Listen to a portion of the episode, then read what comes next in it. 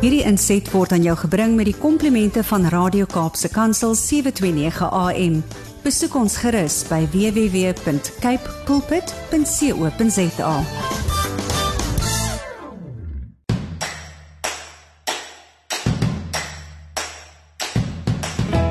Dit is net na 7 op die 2de April van 2022 en jy is ingeskakel by Radio Kaapse Kansel en jy luister na die program Landbou Landskap. 'n Hartlike hartlike goeiemôre van my Willem van Jaarsveld. Ek is jou gasheer van 7 tot 8 elke Saterdagoggend op hierdie senders en ook uh, natuurlik wêreldwyd uh, op internet wat jy ook na hierdie program en al die ander programme van Radio Kaapse Kansel kan luister. Waarna kan ons vanoggend uitsien om 10 oor 7 kom saad vir die saaier aan die beurt en ons skrifgedeelte van môre is Lukas 10 vers 45 die tema om te dien. Dan in Kapstok gaan ons vanmôre begin met 'n program wat in uh, of 'n gesprek wat so in twee afdelings afgelewer gaan word vanmôre. Die kapstok gedeelte en dan wat 20 oor 7 aan die beurt kom en dan ook die hier van 08:30 af 7:30 kan jy luister verder na die gesprek wat ek gehad het met meneer Lukas Eksteen. Hy is die finansiële bestuurder maar ook die kuddebestuurder van Buffland Agri daar in Limpopo. En ons gesels vanmôre so 'n bietjie gesake rondom die toetsing van stoetbulle.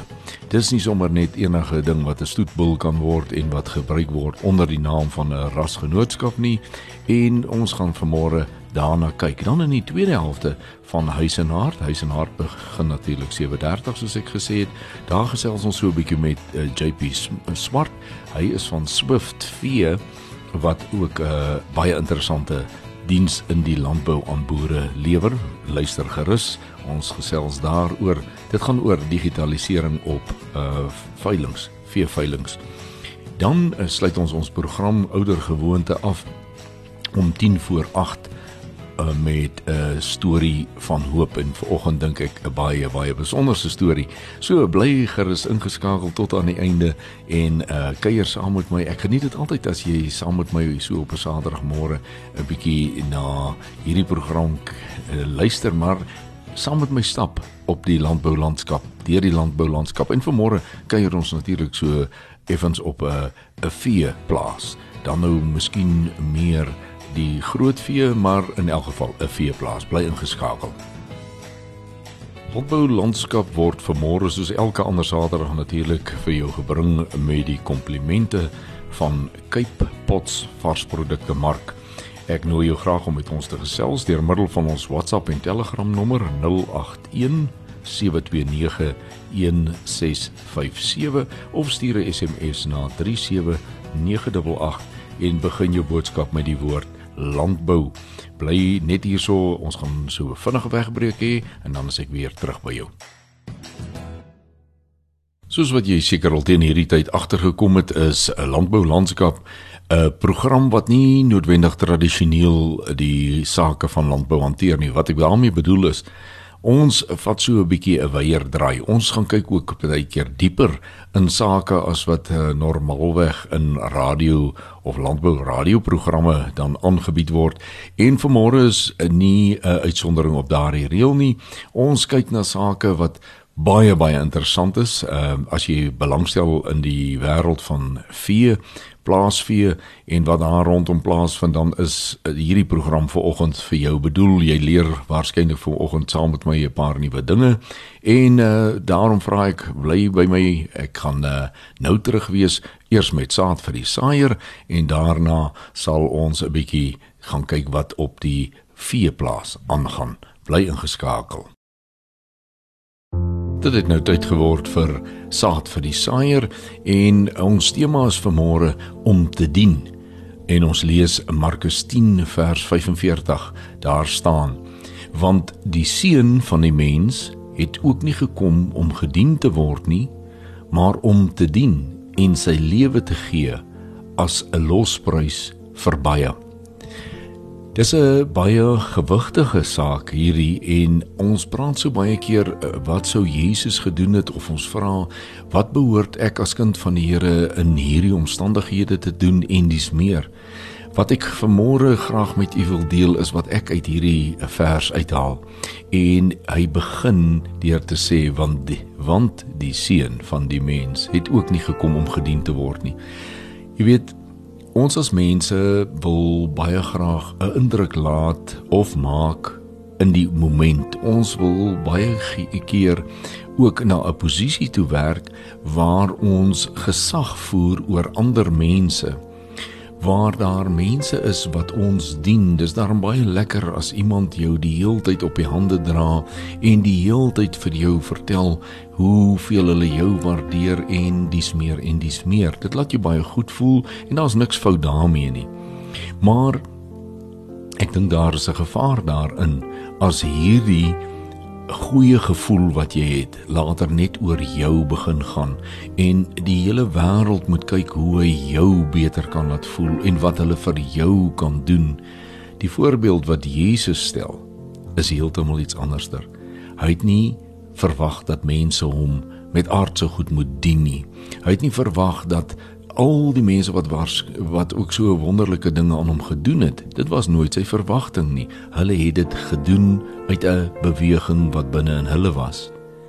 En dis die voorbeeld wat ons vanmôre uit hierdie teksvers Markus 10 vers 45 moet vat. Ons moenie kyk hoe ons gedien kan word nie, maar om te dien. Ons word nie gevra om ons lewe af te lê vir ander nie. Jesus het dit gedoen. Maar om ander te dien is baie belangrik. Kom ons bid saam.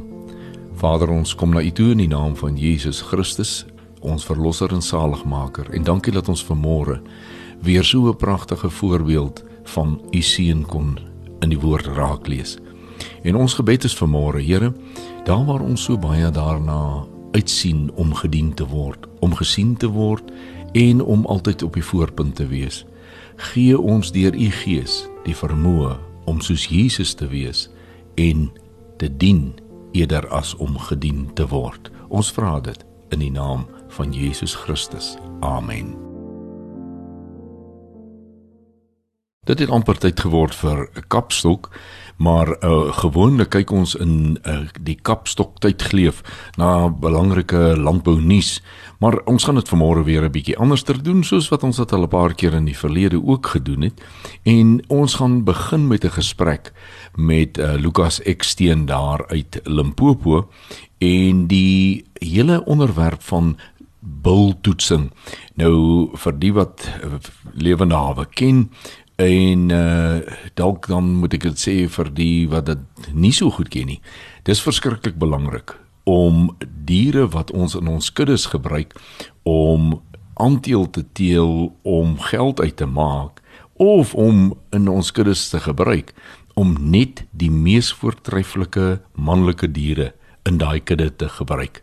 Luister gerus wat dit behels om billetjies deur die fase toetsings te sit. Net hierna begin ons in Kapstok met die gesprek.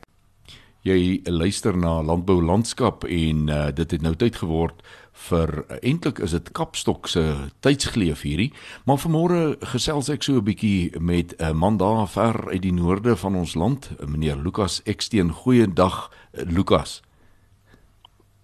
'n Goeiedag Willem en 'n goeiedag luisteraars.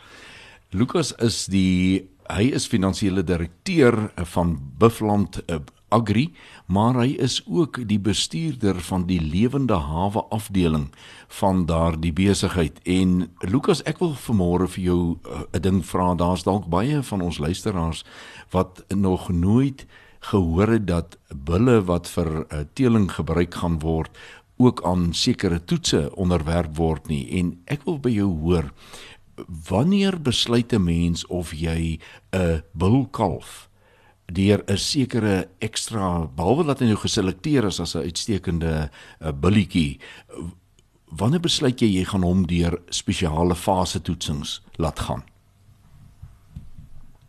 OK Willem dit is ek gaan begin deur om eers net uh, uh dan dan soos 'n woord wat baie naby aan fase toetsing is en dit is fase voeding. Dis net dat die luisteraars dit nie verwar nie. Fase voeding is meer met voerkrale te doen wat 'n sekere voedings ehm um, kom ons sê rantsoen by 'n sekere produksiestadia opvul. Waaroor ons vandag praat dit is fase toetsing. Dit is van toepassing waar mens stoetwille primêr ehm um, wil dat onderskei tussen mekaar oor wie die beter genetiese potensiaal het om in sekere omstandighede te presteer. Hmm. So as ons dit nou ver gaan haal, die eerste die vraag is hoekom wil ons hoekom sal 'n bal nou deur so iets wil gaan of moet gaan? Die eerste as ek dit in ver kan haal is die die eerste hekkie waardeur 'n stoetkalk moet gaan is, is sy speen gewig of sy speen data. En daar het hulle gepraat van die ou fase A toets. En dit is die speentoets en hy word daar gemeet in sy kontemporêre groep of beter gestel in sy klas waarna hy is. Dis al die kalfies wat sy eie partier is wat binne 100 dae uitmekaar het gebore is. Is daar dan 'n indeks wat gekry word volgens sy gewig wat geneem is op 'n sekere datum mm -hmm. en gekorrigeer is dan na 205 dae by alle rasse wat by SA stamboek is en 200 dae by alle rasse wat by LNR geaffilieer is en daarso word 'n indeks bepaal. Nou elke ras het sy eie kriteria en ek kan byvoorbeeld nou uh, ons mara gebruik as 'n voorbeeld alle kalfies wat onder 'n 90 indeks het, sal dan uitgeskort word uit die stoetbedryf uit omdat hulle dan gesien word as meer as een standaardafwyking van die normaal af, van die gemiddeld af. Goed. Die volgende hekkie wat weer gegaan moet word is nou as hy die sy speentoets geslaag het, as hy 'n billetjie is, het jy dan nou twee opsies. Of jy kan die ou tradisionele B-toets doen. Die B-toets word ook verwys na die veldtoets. Dit beteken hierdie bil word nie enigstens aan kragvoer of energievoer blootgestel nie en groei bloot uit soos dit mense gewone vers of 'n koei sou uitgroei op die veld en jy vat 'n weging op 'n jaar en op 18 maande vir SA stamboekrasse en LNR doen dit op 400 en 600 dae. So dan word daar weer 'n indeks elke keer bepaal en elke keer volgens die rasstandaarde word daar 'n sekere onderste kom ons sê um, die die die swakkes word dan elke keer uitgeskot en so word seleksiedruk um, opgestoot om dan diere te selekteer wat meer effektief is. Nou hoekom ek die woord effektief gebruik is is hulle word onderworp aan dieselfde omstandighede. En diere wat beter aangepas is, gaan gewoonlik beter presteer. En al hoe jy produksie in so jong dier kan meet is hoe groei hy hmm. teenoor mekaar in dieselfde omstandighede. Die ander opsie is vir 'n bil is fase C toetsing. Die ek sê dit nou spesifiek of want jy kan nie alles doen nie. Jy gaan die keuses moet uitoefen of jy veldtoets doen, die B-toets. C is eintlik maar net destyds is dit genoem 'n gesentraliseerde toets of in Engels center en gesentraliseerde toets en daarso word voer omset en groei gemeet. En dit is gewoonlik praat nou by die by die toetsing lê by daar ons in Cernik het privaat sentre waar ons nou hierdie billetjies toets. Daar word nie net gekyk hoeveel groei hierdie bil nie, maar ook hoeveel voer gebruik hierdie bil om 'n sekere hoeveelheid gewig aan te sit en daar word dan twee indekse bepaal op hierdie na hierdie tydperk wat gevoer is. Die tydperk is uh, gewoonlik uh, 28 dae aanpassing om gewoon te raak aan die rantsoen en dan 84 dae wat dit dan intensief in 'n kraal um, letterlik uit 'n stainless steel bak uitvreet en daai kos word deur die masjien presies gemeet hoeveel gram hy vreet. So dit is die fase C toetsing. Ek sou sê dit is die mees omvattendste toets wat jy kan kry. Dan waaroor ons vandag praat is die fase D toets. Nou ek wil ekskuus, ek wil ek wil vir jou daaronder breek uh want ek wil okay. ons moet 'n kort breek vat. Dan gaan ek en jy meer omvattend gesels oor die fase D want dit is nogal 'n baie uh belangrike toets uh sou ek sê as ek nou so luister in die industrie. So 'n uh, luisteraar bly ingeskakel. Ek en uh, Lukas gaan hierdie gesprek verder vat. Hy het nou oor fase A, B en C gepraat. As ons terugkom na hierdie musiekbreek, dan gesels ons oor die fase D toetsing en nog meer. Ek dink jy sal met my saamstem dat uh, die hele saak van om uh, bulle te deur 'n paar stappe te sit, 'n paar toetse te sit voordat hulle kan kwalifiseer om dan nou die uh vader van 'n klompie kalvers daar ergens op 'n plaas te word is nogal 'n uh, interessante saak en uh, ons het nou in Kaapstok begin met hierdie gesprek. Ons gaan natuurlik net hierna in Huis en Hart se eerste gedeelte aan met hierdie gesprek en ons gaan dan uh, baie spesifiek gesels oor die fase D gedeelte van hierdie toetsing. Nou ag ek wil tog maar net vir u sê uh as as dit nou nie 'n onderwerp is waaraan jy nou vanmôre belangstel nie, luister maar gerus met die oor van is dit nie interessant die fasette wat in landbou beskikbaar is, dinge wat boere doen, alles om net 'n verbetering te bring sodat hulle kan oorleef. Bly ingeskakel net hierna gaan ons aan met huis en hart. Ons is uh, besig om te gesels met meneer Lukas Eksteen. Hy is onder andere by uh, Buffland uh, Agri die uh, kuddebestuurder van hulle uh, beesboerdery en Lukas, jy het ons nou in die vorige uh, gesprek bietjie beduie van fase A, B en C en as ek nou reg is, dan is dit nie net oor die genetika wat getoets word nie, maar die inherente vermoë van daai genetika om effektiewe groei en al die ekonomies belangrike dinge te meet, voeromsette en al dies meer. Waarom is daar dan nog 'n fase D ook ter sprake? Ehm um, dis 'n baie goeie vraag. Die fase D toets is amper die toets wat 'n algemene boer of as ek kan sê enige boer wat meer as 10 bulkalfies in 'n speengroep het, kan hy op sy plaas self doen sonder om veel moeite te hê. Daar het klaar die eerste kriteria gegee van hoe hoe werk 'n fase D toets. 'n Fase D toets en die volks is eintlik op die plaas bul groei toets. En daar's verskillende fase D toets. Jy kan 'n semi-intensiewe fase B wat diere in 'n in 'n in 'n kamp loop en hulle kry dan 'n kragvoer op 'n tipe van 'n kafeteria stelsel of jy kan soos ons dit 'n intensiewe voerkraal maak soos wat dit 'n simulasie is wat 'n voerkraal soos wat ons dit ken waar diere al die kos wat hulle nodig het hulle aangery word in 'n gebalanseerde rantsoen. Dit is die ander opsie. Hmm. nou ons keer hulle hoofsaaklik op funksionele doeltreffendheid. Dit is kan hierdie beloop ehm um, het hy genoeg kakgaseienskappe, draai genoeg vleis, het hy genoeg sprong van rib, het hy lengte van lyf, is hy gemaklik in sy gang en so voort. Hmm. Maar iets wat mens nie in die bil kan weet nie, is wat is sy vermoë, genetiese vermoë om te presteer voordat jy dit nie toets soos wat ons dit nou in 'n fase B toets doen. Weereens, daarvoor 'n kontemporêre groep en mens kan ook bulle groepeer tussen teelers, maar dan die die die ouderdomsverskil tussen die bulle is dan baie belangrik dat dit met minder as 100 wees en dan elke ras het ook 'n beperking van hoeveel gewig die bulle tussen mekaar mag verskil om teen mekaar te kompeteer as ek dit nou so kan sê maar eintlik hmm. weet hulle net teenoor mekaar. So ook enige um toets het ook 'n kom ons sê 'n 'n tydperk wat die bil dan nou vertoef in hierdie kraal of omstandighede of omgewing en as ek na die intensiefste toets kan verwys is dit ook 'n 28 dae aanpassing in die rantsoen op die rantsoen en dan word dit vir 84 dae intensief gevoer met 'n rantsoen wat geformuleer is om plus minus 1.5 kg per dag te laat groei op die vermoë dat die gemiddeld van die bulle wat omtrent 1.5 per dag optel. En uh, elke 2 weke word hierdie bulle geweeg en aan die einde van die toets en dit is wat eintlik die wonderlike deel is al het hierdie bulle geneties effektief gegroei, genoegsame kilogramme opgesit, is hulle nog onderhewig aan 'n visuele inspeksie deur die onderskeie rasse. So al het hierdie bil presteer en hy's funksioneel nie korrek nie, kan hy nog op daai einde daai hekkie nie oorkom nie. En daai bille, almal wat onderworpe is in 'n fase B toets, is onderworpe aan slagklousule, sou hulle nie slaag nie.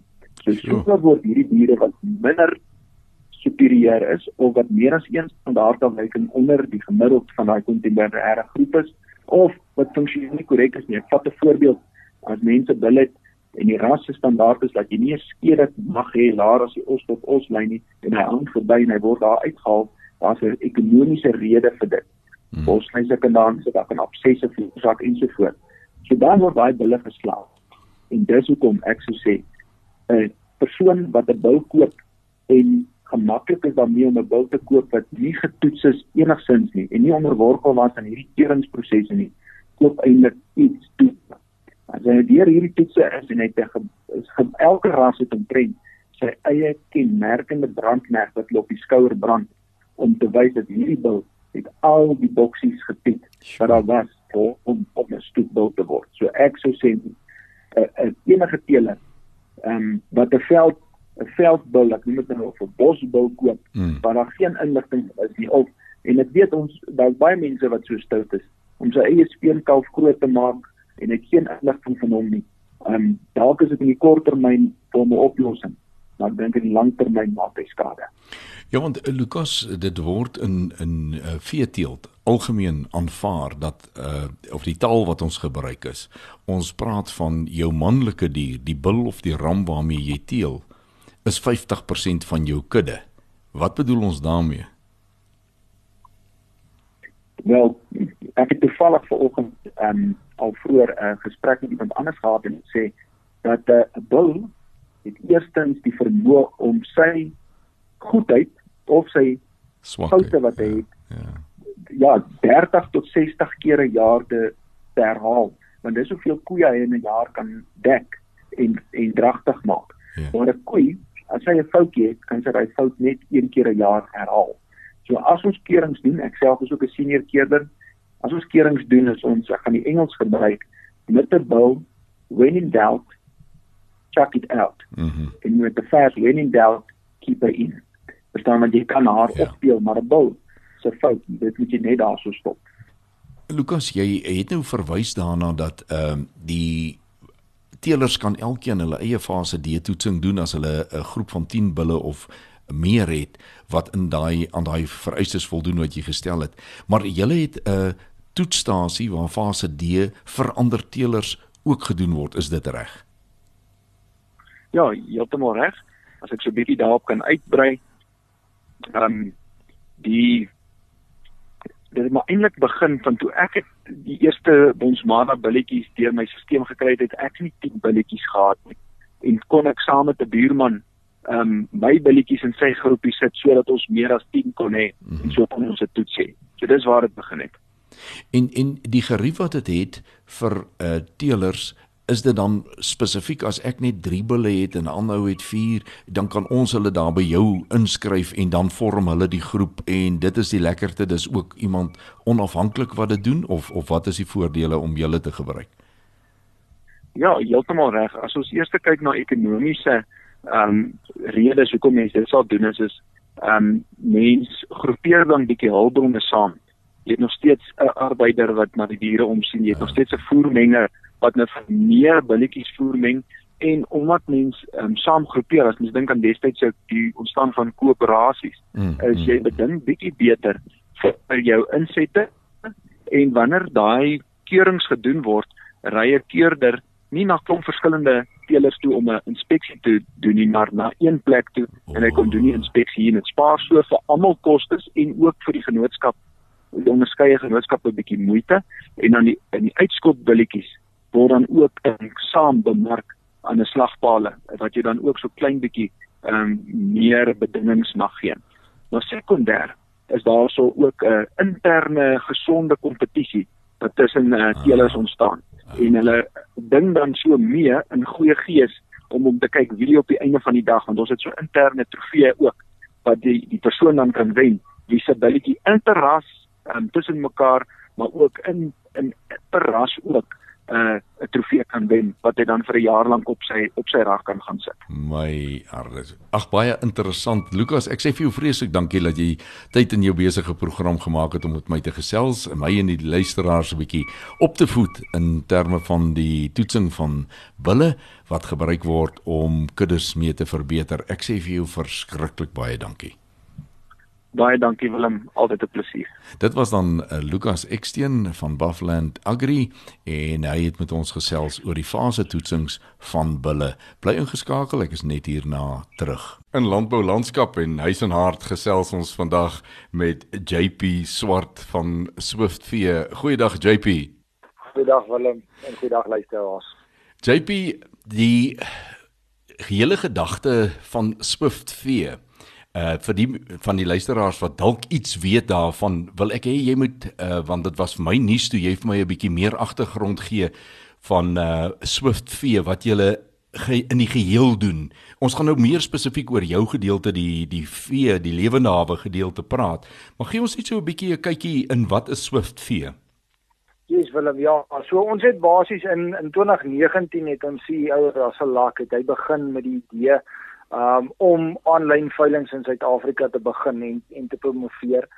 So het hulle begin met met ontwikkeling en gekyk waar um waar daar tekorte is in die markte en 'n bietjie gaan leer hoe doen ander mense dit, mense oor see.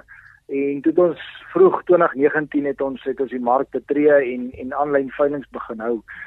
So dit maak dit net moontlik vir uh, ou reg oor die wêreld om om deel te neem in real time op 'n veiling. Met ander woorde, ons twee tegnikuste is die dag van die veiling daarso. Hulle stel TV's op en kameras op en klanktoerusting um en stream dan nou 'n beeld van daar van die veiling af in real time na mense reg oor die wêreld toe waaraan binne sekondes botte kan plaas op die lewendige veiling soos wat hy normaalweg soos wat die tradisionele veiling verloop en so sodoende interakteer die die die in, die internet met die vloerkopers en sodoende kry jy meer kopers op jou op jou veiling wat na jou veiling kyk en jou veiling waarneem en sodoende basies jou pryse ook 'n bietjie lig in daai opsigte. Nou uh, dit is my interessant. Dit is 'n vars konsep. Met ander woorde, die koper, soos jy nou gesê het, hy kan internasionaal deelneem. Hy kan ergens in die buiteland sit en deelneem. Hoe weet hy waar trek die bot op die vloer daai oomblik? Yes. So basies ons twee tegnikuste wat daarso is is redelik goed goed opgelei en en gesout met die met met ons stelsel en hy volg dan die afslaer. Um, hy volg die afslaer se inkremente. Met ander woorde as hy in R1000 spring, spring ons in R1000 om dit om dit dieselfde vir die ou aanlyn en op die vloer te hou en hulle pas aan by die afslaer. Met ander woorde as die afslaer 1000, 2000, 3000 gaan pas hulle aan daarbey en en opdateer die bot vir die ou aanlyn om dan nou te die. Um en die ou aanlyn kan kan alles hoor en sien en waarneem aan sy kant. So hy weet presies waar die huidige bot is, wat se lot is in die ring. Daar's foto's en beeldmateriaal van daai spesifieke lot op. So dit maak dit moontlik. Ons het nou ruk terug het ons het ons boerbok veilinge gehad wat ouens uit Thailand en en Kuwait uitkoop wat wat uitvoere doen daai kant toe. So daai ouens koop op ons veilinge ek wil amper al sê op 'n weeklikse basis soos wat ons soos wat ons veilinge hanteer. Um en met die COVID ook, daar was baie ouens wat nie oor grense van van provinsies kon gegaan het nie. Um so toe kon hulle maklik by van die gemaak van hulle huis af en die die veiling in real time bywoon. Met met ander woorde, hulle hoor nie wat die afslaer praat. Uh, uh, hulle hoor nie sy bot nie. Jy tik hom op die rekenaar in en hy verskyn op die koper, die potensiële koper se skerm aan die ander kant. Is dit hoe dit werk? Ja. Ja, kyk beide beide van daai. Hy hoor en hy sien alles o, wat daar gebeur soos wat jy by die veiling sou gesit het. So hy hoor die afslaer soos hy op en af of opgaan met sy inkremente met die prys hoor hulle eintlik en daar's 'n daar's 'n daar's 'n prys wat die hele tyd opgedateer word wat die ou visueel kan sien aan sy kant. Met ander woorde, ons gee vir hom 'n opsie om te bi. So as jy nou maar die bot inkremente is R2000 en die huidige bot op die vloer is R24000, dan is daar 'n knoppie wat aan sy kant wys klik hier te bi. Stelsen. So met ander woorde ons opdateer hom en hy hoor aanlyn dat die volgende bot R26000 is aan sy kant. Goed. Nou hoe weet die afslaer dat jou kliënt daar erns buite 'n bot wil gee? Hoe laat weet julle die afslaer? So wat ons deesdae vir die vir die afslaers opsit is 'n is 'n klein tablet of 'n rekenaarskerm wat hy dan nou die prys kan dophou en hy kan sien as daar 'n internetbot deurkom. Ehm um, daai bot is instantly. Dis nie asof ons moet verifieer aan ons kant nie as daar as daai ou klik aan die ander kant waar hy 'n bot wil plaas en net maar waar hy oor see sit of in 'n ander land of wat ook al Ehm um, as hy daai knoppie druk, kom maar 2 van 'n sekonde weer speel hy aan ons kant. Ehm um, dis nie dat ons hom moet verifieer of keer nie. Hy kom do hy kom deur as 'n bot. Ehm um, ons twee tegnikuste wat daar sit, sal hom dan as 'n spotter, soos as jy 'n spotter op 'n vloer ja, sien wat ja, ja. botte vat van die gehoor, ja. hulle sal dan nou skree as 'n spotter ook net om die om die afslaer in kennis te stel van 'n van 'n bot wat ons ontvang het aan my. My jete. Nou jy praat op van op julle veilinge is julle 'n uh, agentskap wat julle eie veiling hou? Nee, nee, glad nie. So Willem ons is nie ehm um, toe ons ons geposisioneer het in die mark het ons gesien dat daar 'n baie noue band en en groot vertroue tussen 'n boer en sy agentskap is of tussen 'n mm. boer en sy lewende hawe agent is. Mm. En ons wil nie in daai verhouding inkom nie. So ons het ons daai tyd geposisioneer as slegs 'n diensverskaffer tot die boer of tot die agentskap om dit moontlik te maak dat meer mense jou veiling kan bywoon. Oh, so ons is nie geregistreer by EPAC nie, ons wil ook nie geregistreer wees nie, ons wil nie agentskap wees nie.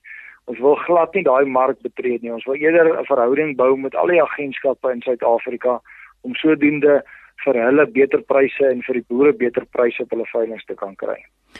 Uh, met ander woorde, dis dis vir julle baie meer 'n saak van 'n sinergie tussen uh, twee uh, ek wou amper sê partye wat al klare gevestigde verhouding het wat julle wel doen is julle bring addisionele kopers wat uh, dalk nog nooit by daai spesifieke veiling sou gewees het of kan wees nie bring julle net vloer toe. D dit is basies wat dit is. Ja ja. Ja. Ja dis korrek. Kyk die die die hele die hele uh, hoe kan ek sê konsep moet ook nie dat daai kant toe gestoot word dat ons nuwe kopers bring nie. Ek sê altyd mm -hmm 'n boer is is is die beste bemarker wat hy kan hê want hy weet wat sy genetika hy teel en hy weet wat sy diere hy het. So hy is die hmm. beste bemarker vir homself. Nie eers sy agent kan sy diere so bemark soos wat die boer dit kan bemark nie. Hmm.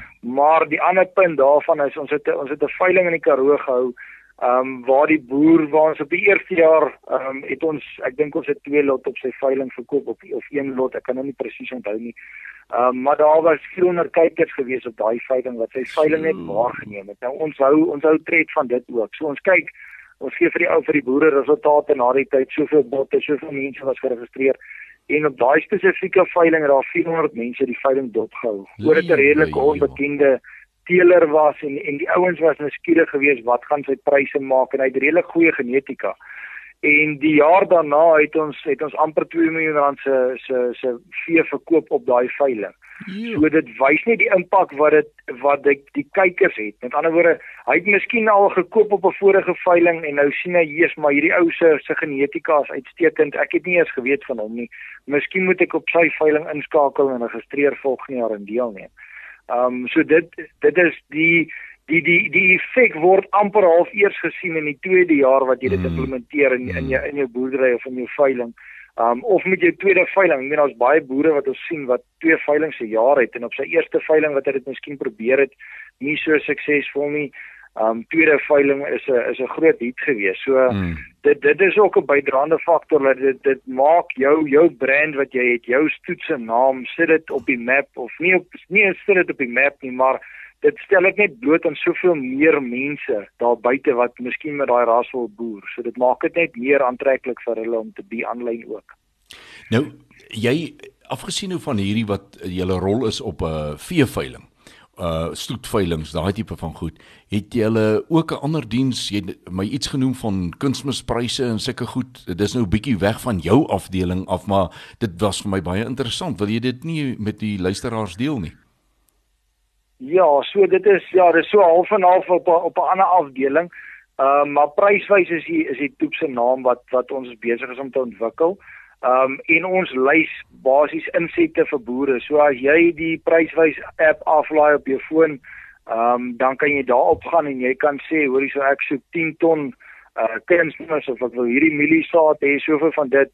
Um diesel al jou insette wat jy nodig het vir jou boerdery, voer, mielies, um enige ding wat jy vir jou boerdery kan gebruik, kan jy op die app gaan en ons het 'n lys van verskaffers aan die agterkant wat dan daarvolgens vir jou 'n uh, kwotasie stuur so jy kan basies daai pryse en insette wat jy wil hê gee ons die geleentheid vir 'n klomp verskaffers om vir, om vir ons hulle beste pryse te lewer en sodoende kan jy op een plek basies jou insetpryse of jou insetkoste um teen die beste beste moontlike prys kry. Dis die hele ding waaroor soveel as 'n geheel ook gaan. Ons wil die boere se insette vir hulle so laag as moontlik hou en die uitsette maksimeer. Met ander woorde, ons wil vir jou die beste pryse op jou veiling vir jou bulle kry, maar ons wil jou voer insette vir jou op jou plaas so laag as moontlik hou dat daai winsmarge groter is vir die boere. Dit is die ja, hele doel van soveel in hierdie hele mark vir ons. Dis wonderlik. Jene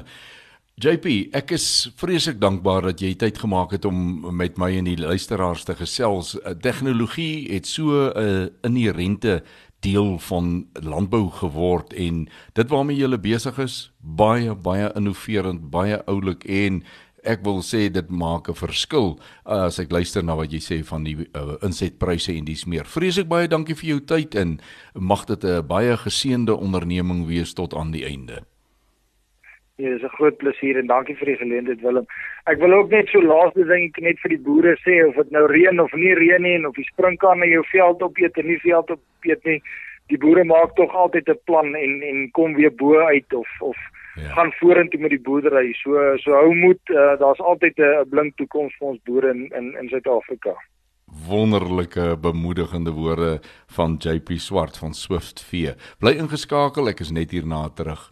In stories van hoop wil ek vanmôre erkenning gee aan uh, Beneske Janse van Rensburg wat op haar Facebook groep wat sy noem stories van hoop 'n uh, 'n ding geplaas het wat ek dink vanmôre nogal baie aansluit by ons saad vir die saaier waarmee ons begin het.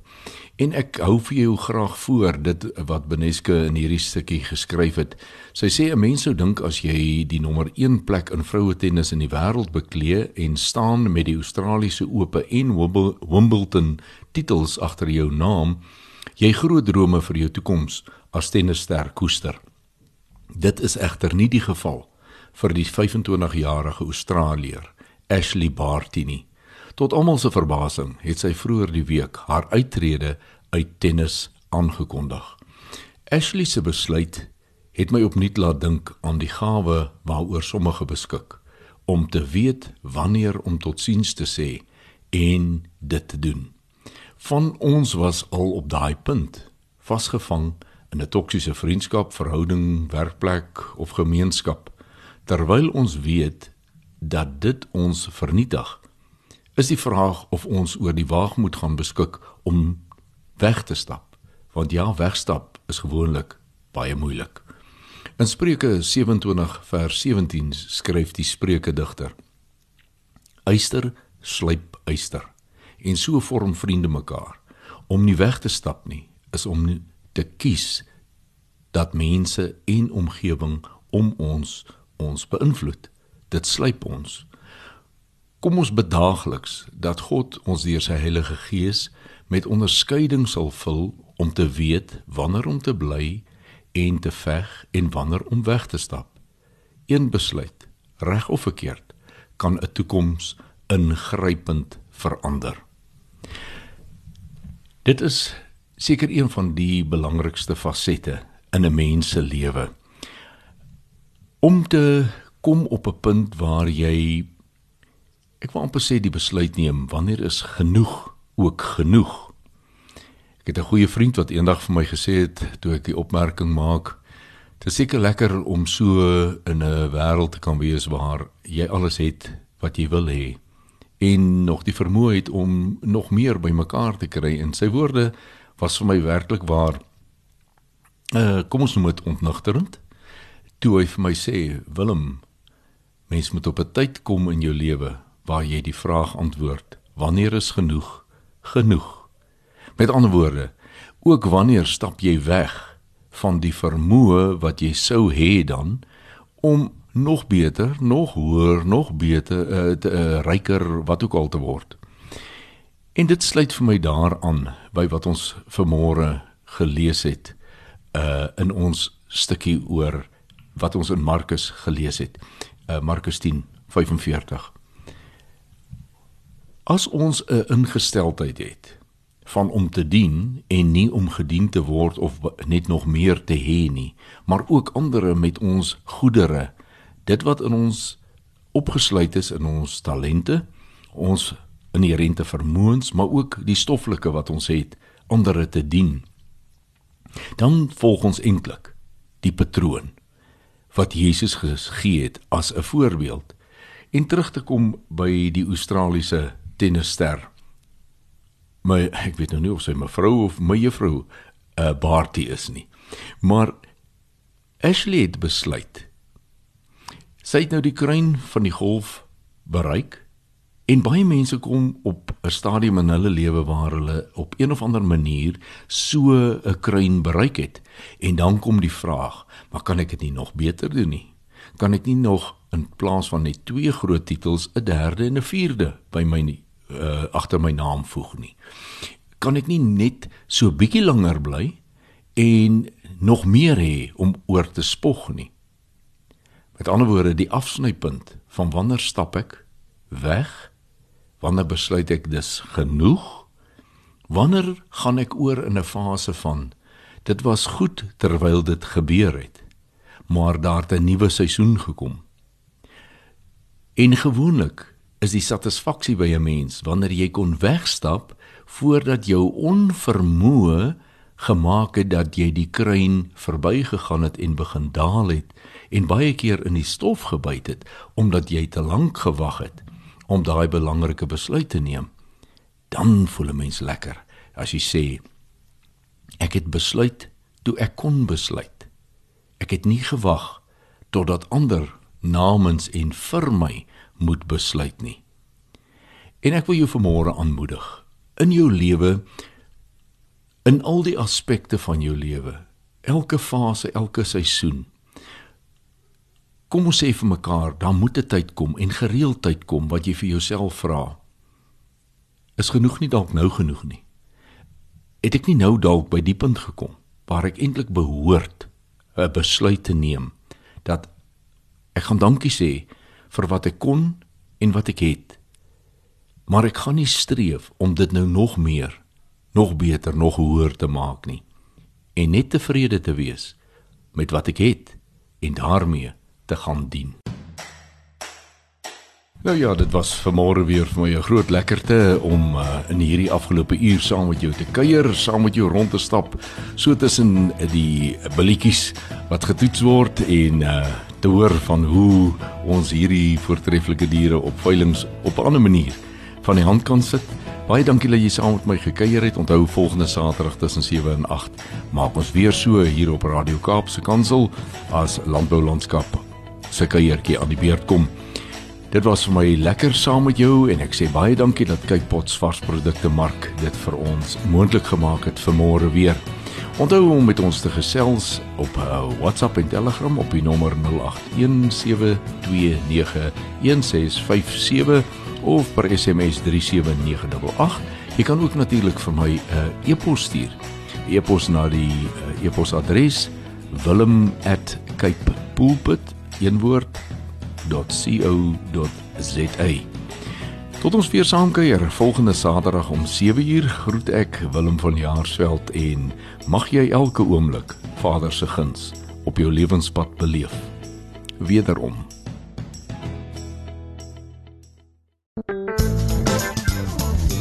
Hierdie inset was aan jou gebring met die komplimente van Radio Kaapse Kansel 729 AM. Besoek ons gerus by www.cape pulpit.co.za.